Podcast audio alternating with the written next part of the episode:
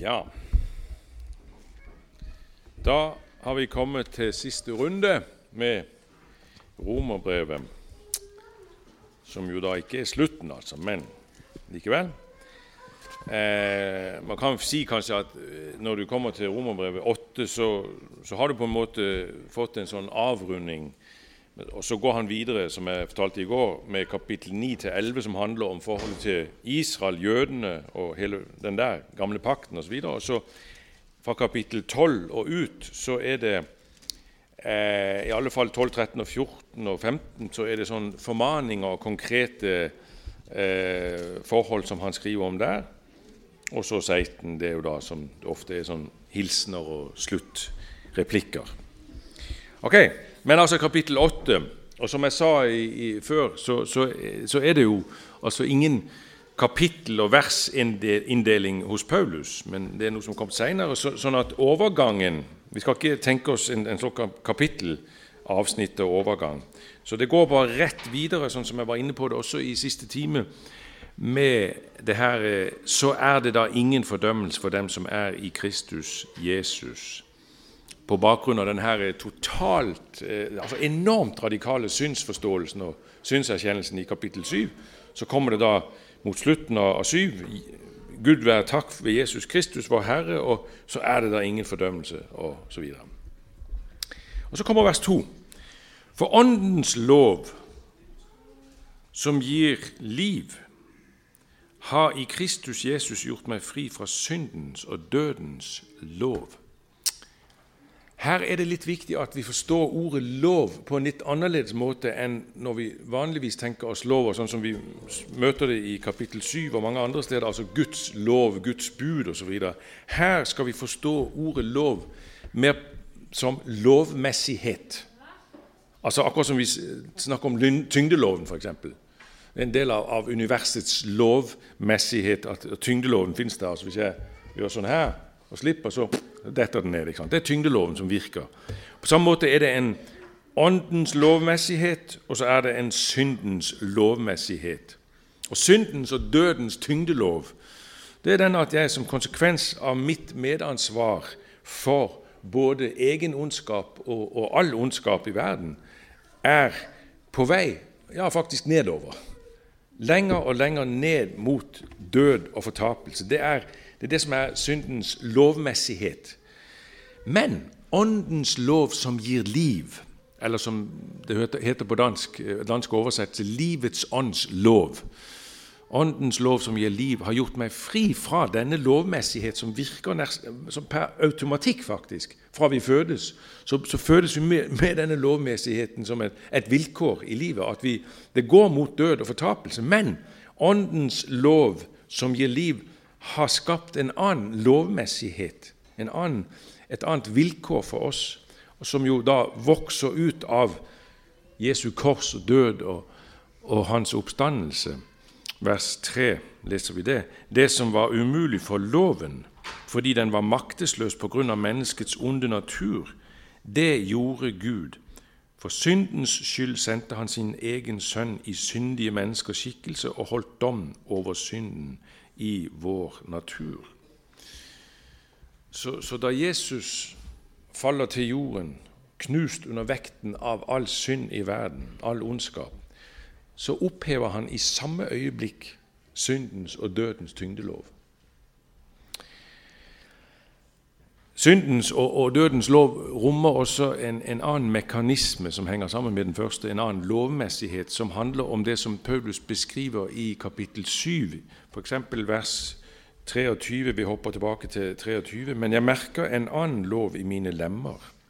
Den kjemper mot loven i mitt sinn som tar meg til fange under syndens lov som virker i lemmene. Hva er det for en lov? Jo, det er denne lovmessighet som hele tiden driver meg i retning av det onde. Det, det onde som jeg ikke vil, og som forhindrer meg i å gjøre det gode som jeg gjerne vil. Det er denne lovmessighet, det er samme tyngdelovs effekt, på en måte. Syndens og dødens tyngdelov. Og Den blir da konfrontert av en annen lovmessighet, nemlig livets ånds lov Åndens lov som gir liv, og som, som eh, Paulus kaller det i, i vers 23 i kapittel 7 den kjemper mot loven i mitt sinn, loven i mitt sinn, som er det samme som Åndens lov som gir liv, loven i mitt sinn. Altså det som jeg var inne på tidligere, dette med mitt nye jeg, mitt Kristus-jeg. Åndens liv i meg. Eh, og det er Og så, og så sier eh, Paulus i kapittel 8 vers 4 slik skulle lovens krav bli oppfylt i oss som ikke la oss lede av vår onde natur, men av Ånden. Dette er jo interessant, for det betyr at nå er det kommet en ny lovmessighet inn i oss, også på dette området som dreier seg om synd. Eh, altså Det Paulus sier, er helt enkelt det skjer en real, en helt reell oppfyllelse av lovens krav i ditt liv. Kjærligheten bryter igjennom. I kraft av livets ånd som gir liv, altså åndens lov som gir liv, så skjer det det at du kommer til å gjøre det gode. Det kommer til å skje. Det skjer i deg. Det vil bryte igjennom i ditt liv når du blir forbundet med Kristus, og dermed så kommer det en ny lovmessighet inn i deg. Paulus sier det i masse sammenhenger. Han sier det f.eks. i, i Galaterbrevet eh, kapittel 5. Eh, bare for å ta et eksempel. Kapittel 5, Galaterne, vers 22 og 23. Men åndens frukt er kjærlighet, glede, fred, overbærenhet, vennlighet, godhet, trofasthet, tålsomhet og selvbeherskelse. Slike ting rammes ikke av loven. Det er jo litt interessant også den siste setningen. Slike ting, eller som det står i den danske oversettelsen, som er litt mer presis her Slike ting er loven ikke imot. Så det er en lovoppfyllelse i vårt liv, faktisk, når vi kommer i kontakt med Kristus, når vi blir forbundet med ham, og livets ånds lovmessighet begynner å sette sin virkning i oss. Så kan det hende at noen av dere sitter og klør dere litt i skjegget, hvis dere har skjegg, um, og tenker hva, Hvor ble det plutselig av, av, kapittel 7, vers 15 og 19? Altså det her Det gode som jeg vil, det gjør jeg ikke. Hva, hva ble det av det? Altså, for nå, nå, nå sier Paulus altså at nå, kommer, nå blir det en, en, lovoppfyllelse i vårt liv. Det bryter igjennom. Så, så hvor er det? Er det lagt bort? Nei, det er det ikke. Det er fortsatt en erfaring som vi gjør oss.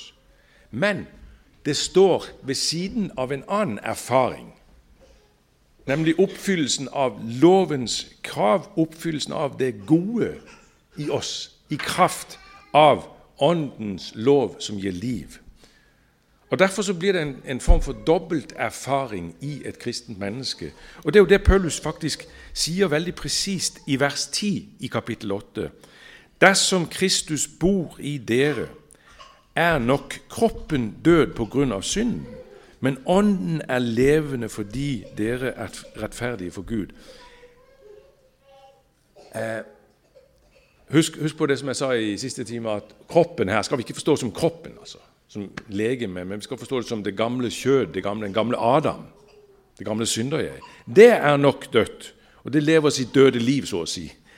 Men det fins en annen virkelighet, en annen, et annet liv i deg, og det er Ånden i kraft av rettferdigheten fra Gud.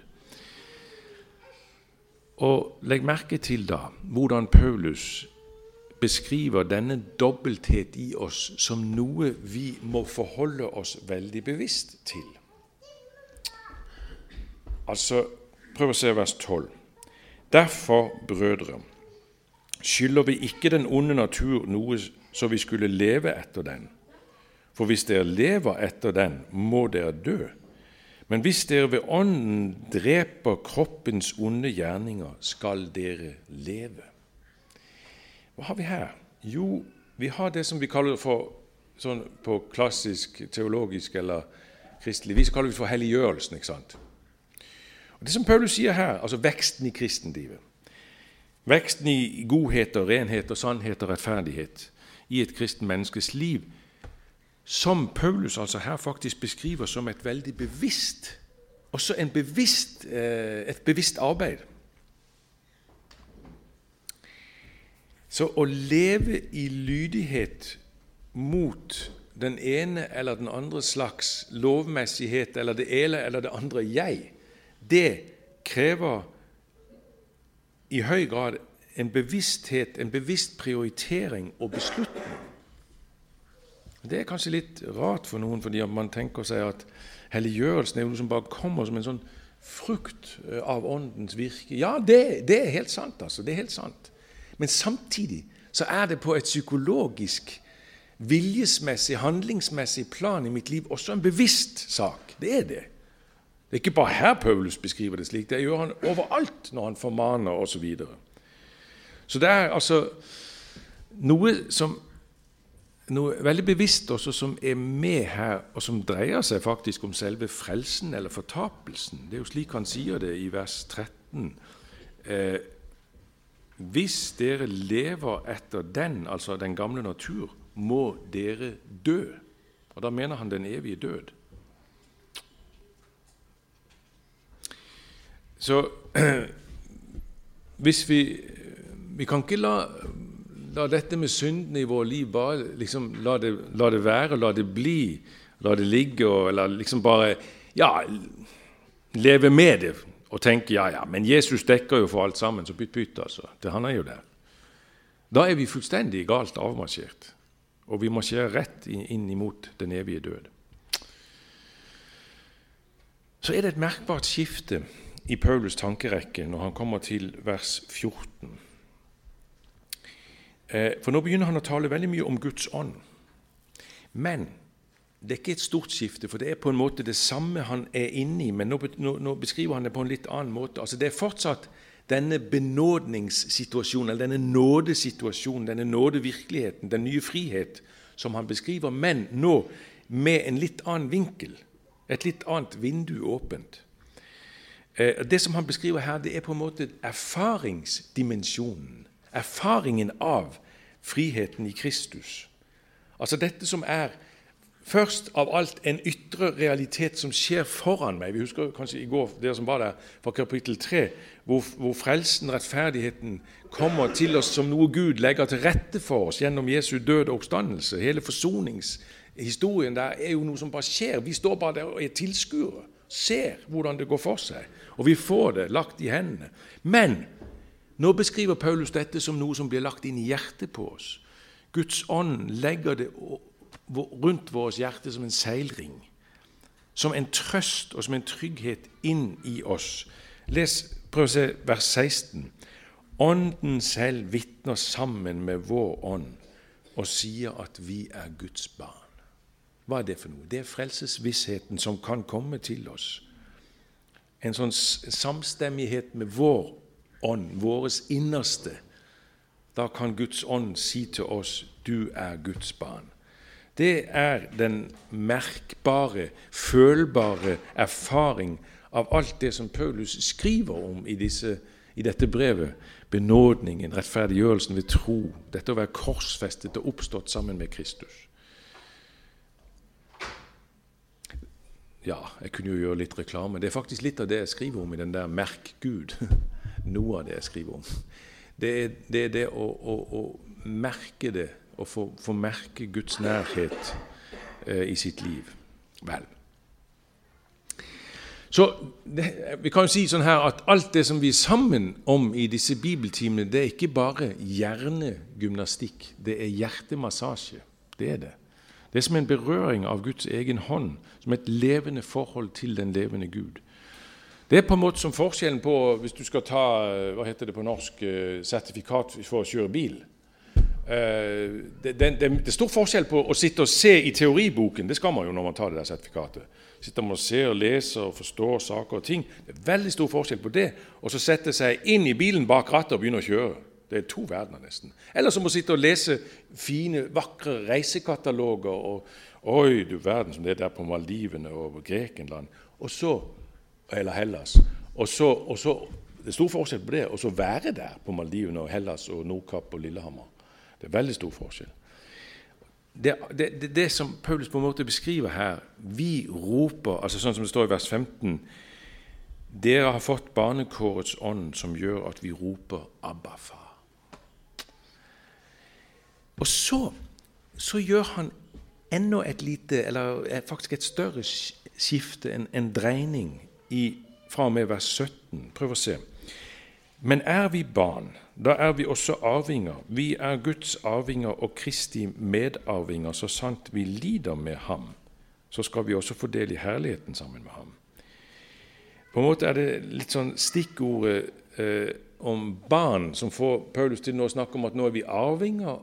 Og så sier han også noe av arven er faktisk det å få del i Kristi lidelser. Som om det er en fin arv. Ja, men det er det. Det er en del av det. Og da er på en måte stikkordet for resten det handler om lidelser og håp.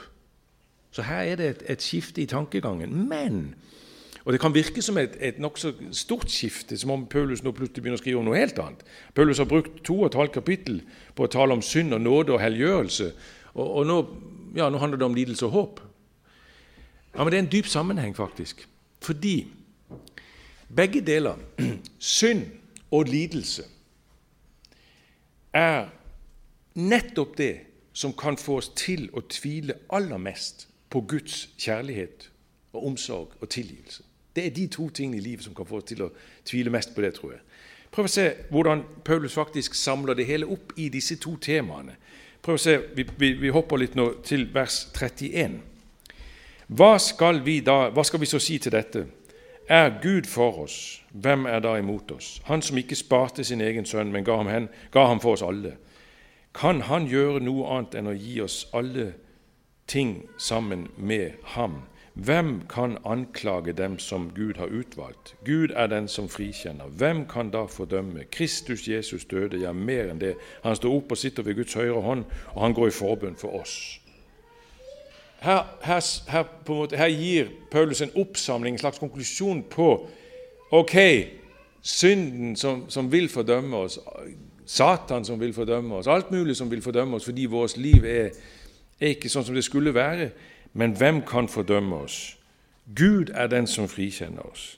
Kristus er død for oss osv. Det, det er den ene konklusjonen. Det er synden som kan ta fra oss frimodigheten, men det, det skal den ikke for Gud er for oss. Og Så kommer vers 35. Hvem kan skille oss fra Kristi kjærlighet? Nød, angst, forfølgelse, sult, nakenhet, fare eller sverd. Det står skrevet for din skyld drepes vi dagen lang. Vi regnes som slaktefår. Men i alt dette vinner vi full seier ved Ham som har elsket oss. For jeg er viss på at verken død eller liv, verken engler eller krefter, verken det som nå er eller det som kommer, eller noen makt, verken det som er i det høye eller det dype, eller noen annen skapning, skal kunne skille oss fra Guds kjærlighet i Kristus Jesus, vår Herre. Hva er det? Jo, det er det er eh, opplevelsen av lidelse, ulykke, sykdom, død, tap, alt mulig som som kan få oss til å tvile på én ting, nemlig at Gud elsker oss. Og Det er jeg helt sikker på at noen her kjenner til. Det å, å, å, å gå inn i ulykken, gå inn i lidelsen på, på den ene eller andre måten og, og, få den der følelsen at Gud har glemt meg. Gud har snudd ryggen til meg. Nei, sier Paulus, det har han ikke. Verken død eller noen andre angst, forfølgelse osv. skal skille oss fra Guds kjærlighet i Kristus Jesus. Ingenting kan, eh, skal kunne sette et minus ved Guds kjærlighet, eller sette et spørsmålstegn. Kanskje Gud ikke elsker deg så høyt siden du har det så hardt. Nei, Gud elsker deg totalt. Ja mm. Og så og, og man kan si at man kan si at de her to tingene, synd og lidelse, det er jo på en måte um, Det er på en måte kampen mellom det synlige og det usynlige. Synd og lidelse er veldig synlige, merkbare erfaringer. Det er det. Og nå skal vi altså klare å tro på en usynlig virkelighet som er sterkere og som får siste ordet imot den synlige virkeligheten. Det er ikke så enkelt. Altså Disse syndene og lidelsen som er veldig synlig og merkbar, står opp imot forsoningen og tilgivelsen og oppstandelsen, som ennå er usynlig på en måte. Men det kommer til å få siste ordet. Og det blir den varige virkelighet. Det er det han sier i vers 18. Jeg mener at det vi må lide her i tiden, ikke er for noe å regne mot den herlighet som en gang skal åpenbares. Dvs. Si den er usynlig nå, men en gang skal åpenbares og bli vår. Så det som vi lider nå i tiden, det skal bli avløst av noe som er som fullstendig visker det bort. Men det er jo ikke enkelt altså, å leve eh, med det synlige og merkbare og kjennbare opp imot det som, som vi ennå ikke ser. Både når det gjelder oppfyllelsen av lovens krav i oss, og når det gjelder overvinnelse av lidelser i vårt liv nå, så er det mye som er veldig foreløpig og bare sånn stykkvis.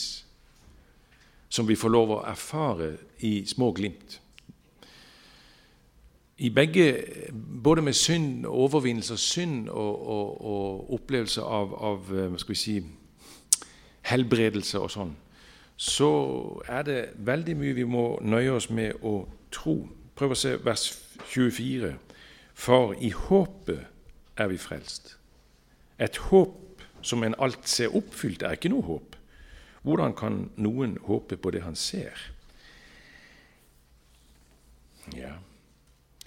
Så vi erfarer tidvis gudsbarnets fred tilgivelsens virkelighet erfarer vi tidvis veldig dypt inni oss. Abba, far.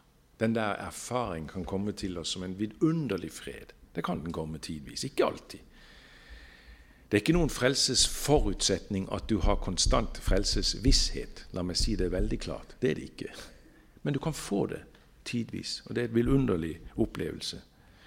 Og På samme måte kan du oppleve, du kan erfare at du seirer over konkret synd. At du får bukt med, med eh, visse tilbøyeligheter i ditt liv. Det kan du. Du kan oppleve at, at, du, at, at, lydighet mot Ånden, at oppfyllelsen av lovens krav, faktisk skjer i deg. Og du kan oppleve erfaring av helbredelser. Du kan oppleve underfulle inngrep av Gud i ditt liv, i andres liv. Og du kan oppleve mange daglige bønnhører hørelser. Det kan du gjøre. Men fortsatt så er det slik at langt det største og langt det meste venter på sin oppfyllelse. Det som du opplever nå av disse ting, det er peanuts ved siden av det du skal få lov å oppleve en gang. Det skal bli mye større. Det som vi opplever nå av fred, av seier over synd, av bønnhørelse, det skjer også ofte under motsigelsens fortegn. Syndens virkelighet kan lynkjapt melde seg med enorm kraft. Du har nettopp hatt en seier på en måte, og så plutselig så bang, så ligger du der igjen. Eller lidelsens virkelighet. Du har opplevd en bønnhørelse som var vidunderlig, og så på, så ligger du der igjen og, og, og, og blør og, sliter og gråter. Og for noen er jo faktisk lidelsen et livsvilkår det sitter sikkert folk her inne som har det som et livsvilkår, som en sånn slags grunntone i livet sitt. Kanskje en kronisk sykdom eller en, et, en, en, et, tap, en, død, som på en måte har satt seg som et varig sår, og som sitter der resten av livet i sinnet. Eller, eller noen sliter med en, depressivitet eller, eller, et eller annet, som de må leve med alltid. Og ja, Man kan si det på denne måten at det er jo vilkår for oss alle sammen at vi dør til sist, med mindre Jesus kommer igjen før. Men da er altså vilkåret Statistikken er beinhard. Ti ut av ti dør. Ja. Så vi dør til sist. Så derfor, derfor er håpet en enormt viktig kategori i troen. Det er en fullstendig avgjørende dimensjon ved troen.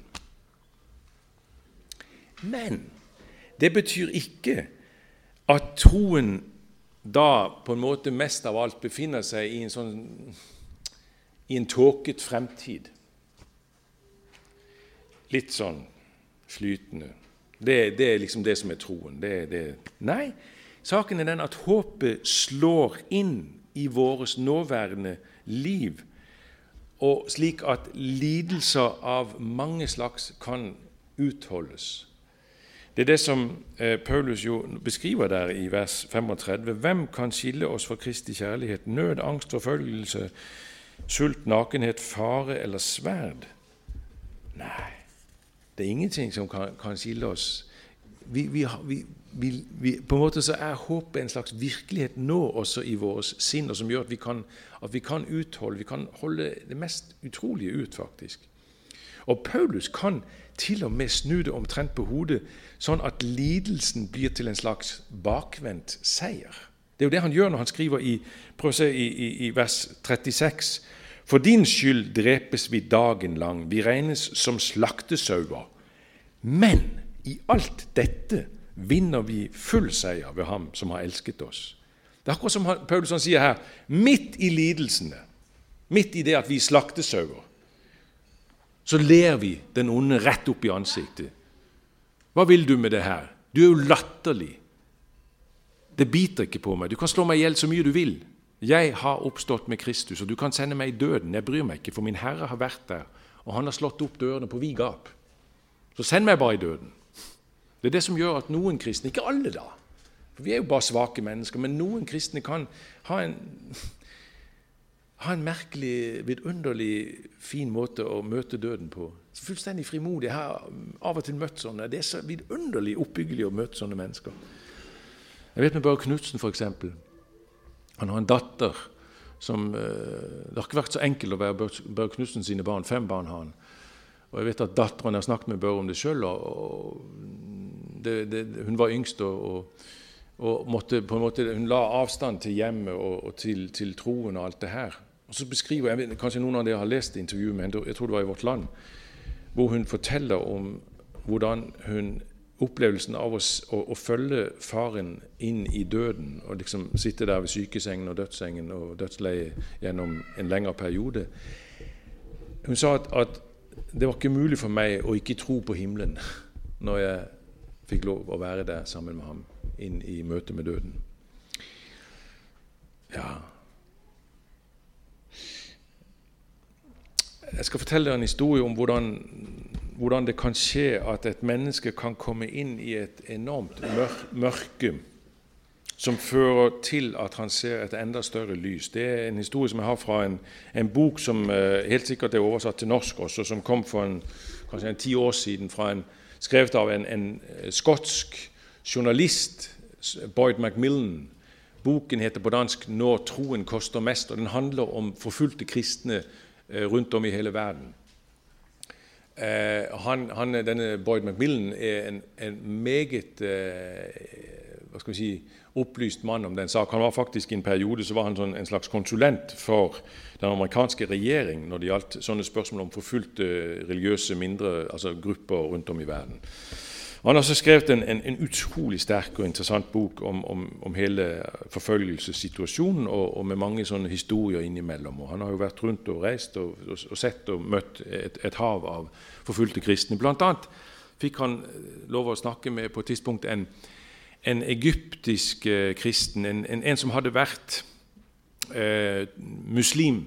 Og, og, Da han var ung, så var han muslim, og han var en, en, sånn muslimsk terrorist i Egypt. Han hadde vært med å voldta unge kristne jenter. Der vet jo, I Egypt er det jo et stort uh, mindretall, ca. 10 som er kristne, og, og, de har det innimellom enormt tøft. og Generelt har de tøft. Og Han var altså en av disse som var, ja, var med på å voldta unge jenter, og, og, var simpelthen uh, forferdelig. Og Så skjer det det at han, han blir kristen. Det er en lengre historie. Men han, ble omvendt, ble kristen. Så ble han leder for en, en gruppe av, av nyomvendt, eller omvendte muslimer. Men så blir han angitt og kommer i fengsel. Og Der blir han utsatt for sterk tortur. Og, og han, fikk, uh, han kom også til å oppleve det som de inne i fengselet, fangene, kalte det for opplevelsen. Og Det var rett og slett et, stein, et, et, et lite rom eh, av betong av stein som var halvannen meter på, i høyde og bredde og lengde. Altså en liten sånn eh, boks eller kasse, steinkasse. Og Der kunne en fange få den hardeste straffen, som var å bli satt inn der. Isolert der, fikk vel litt mat og drikke, men inn der i en måned. Eh, totalt isolert. Og de fleste, de aller fleste fangene som kom ut, ble simpelthen vanvittige av det. Men ikke denne unge eh, tidligere muslim og nå kristen. Han ble satt inn der, og så forteller han, hvordan, så forteller han til, til, denne Boyd Macmillan hvordan denne opplevelsen ga ham en helt ny erfaring av Kristus. Og vi, har, vi skal få det opp på, på eh, tekst her på, i dansk oversettelse, hvor han forteller sånn her. Under store lidelser oppdager du en annen Kristus enn den du kjenner fra hverdagen. Normalt er vi i stand til å skjule for oss selv hvem vi virkelig er, og hvordan vi virkelig er. Vi vokter vårt ego godt. Smerten endrer ved det hele. Smerte og lidelse bringer alle de svake punkter i vår personlighet opp til overflaten. Man blir for svak til å forsvare sitt ego som man pleier, og er nødt til bare å betrakte seg selv som man virkelig er. Jeg var et rent vrak i denne celle. Jeg gråt hele tiden. Jeg gråt og hulket og hylte og skrek der inne i det uforanderlige, fullstendige mørket. Jeg sto ansikt til ansikt med meg selv i all min elendighet. Jeg så alt det forferdelige jeg hadde gjort, alt det forferdelige jeg inneholdt. Jeg ble ved med å se meg selv. altså jeg, jeg kunne ikke slutte med å se meg selv stå i folkemengden og rope 'Korsfest ham'. Men nettopp som jeg var ved, altså nettopp som jeg holdt på med å bryte sammen i fullstendig fortvilelse og lede ved meg selv, altså selvhat, og formodentlig dø av det, trengte en utrolig erkjennelse plutselig inn til meg som en eksploderende stjerne. Jesus elsket meg stadig, like her og nå, hvor jeg satt mitt eget skitt, altså dritt, svak, hjelpeløs og nedbrutt, full av synd. Selv i den tilstand elsket han meg, og nå kom Kristus og fylte meg, og hans fylle var uendelig stor fordi jeg var så tom. Det, det, her er en veldig sterk historie om det merkelige som kan skje, at man i den ytterste form for avmakt kan komme i berøring med en enda større avmakt. Altså I et stort mørke så kan det melde seg et enda større mørke. Og i det mørket kan det melde seg et enda større, sterkere lys som overvinner alt mørke. Og lyset er forbundet med en erfaring av Guds nåde, Guds tilgivelse og nåde som, som treffer en som den lyseste dag midt i det der. Og Det er det som Paulus beskriver i vers 31 til og med vers 39, som vi leste før. Altså hva er det da med å si 'er Gud for oss, hvem kan det være imot oss?' osv. Sult, angst, nød, forfølgelse. Ingenting kan ta fra oss den grunnerfaring og grunnvirkelighet at Gud elsker oss i Kristus. Og så skal jeg bare ta en siste ting. Og det er, eh, som også er med her i kapittel 8, som jeg er så, så veldig glad for. Alt det her som vi håper på, det som, er, som vi har brukt faktisk også nå tre bibeltimer på, alt det her med frelsen, alt det med Kristus som korsfestet, som oppstanden og, og hele håpet og alt det her, det dreier seg faktisk om hele kosmos. Frelsen dreier seg om hele kosmos. Hele virkeligheten, både den synlige og den usynlige. Prøv å se vers 19. Alt som er skapt venter med lengsel på, Guds, på at Guds barn skal åpenbares i herlighet. Og vers 21.: For det skapte skal bli frigjort fra trelldommen under forgjengeligheten og få del i den frihet som Guds barn skal eie i herligheten. Kjenner dere den følelsen eh, at det Altså man kan bli liksom innfanget av en følelse av at det vi tror på som kristne, at det er en sånn litt liten, isolert, litt sær historie midt i denne verden, midt i dette samfunn, det norske samfunn, Europa, hele verden, som er opptatt av alle mulige andre historier, som tilsynelatende er mye større. Alle mulige andre former for verdens forbedring og verdens utvikling og samfunnsutvikling og på en måte frelse. Og så, vi, så er vi her som kristne. Vi sitter her i dag. Sant? Søndag. eh, på misjonssenteret i Namsos. Og eh, ja, kan kanskje få følelsen av at vi sitter her med vår lille historie, underlig historie om Jesus og Nasaret, som er død for våre synder, men interessen for det er rett utenfor. Ned i Namsos sentrum og videre ned mot Oslo osv. Men interessen er ikke så veldig stor for den historien. Så vår historie, hva er det for en slags historie? Det er en litt liten historie. Nei, det er sant. Den store verden er ikke så veldig opptatt av den historien. Og det har den aldri vært. Aldri. Men ikke desto mindre så dreier det seg om hele verdens frelse. Hele skapningens frelse. Hele skapningen sukker og lengter etter forløsning. Vi befinner oss i en kosmisk historie. Det som vi beskjeftiger oss med her i dag, det har med hele kosmos, hele skapningen, å gjøre. Vi befinner oss midt i noe som, har, som, som er på en måte en historie som har sin begynnelse før Big Bang, og som har sin historie lenge etter at siste stjerne har slukket i universet. Det er en historie som er uendelig, og som har evigheten i seg. Frelsen er en forløsning av hele kosmos, hele skaperverket. Det er ikke en, det er ikke, frelsen dreier seg ikke om en avvikling av universet. Det skal avvikles, det skal, det skal på en måte feies ut, og så kommer liksom en, en, en slags åndelig virkelighet. Nei! Frelsen dreier seg om en forløsning av hele skaperverket. Så våres vår fortvilelse og lengsel etter noe annet, etter en bedre verden, etter et renere liv, alt det skyldes at vi elsker dette livet. Vi kjenner kjærligheten og godheten og gleden og lykken i små eller større momenter, akkurat som mange andre gjør det. Ikke-kristne også kjenner til det. Og de har lengsel, og de prøver å løse det, og de prøver å finne verdensforbedring på forskjellige måter. Alle er vi bundet til dette livet, og det er ingen feil med det. Det er helt naturlig, for det er Gud som har skapt det. Gud elsker denne verden, og han har tenkt seg å forløse den. Gjør den ny. Se, jeg gjør alle ting nye, sier Jesus i åpenbaringsboken. Se, jeg gjør alle ting nye.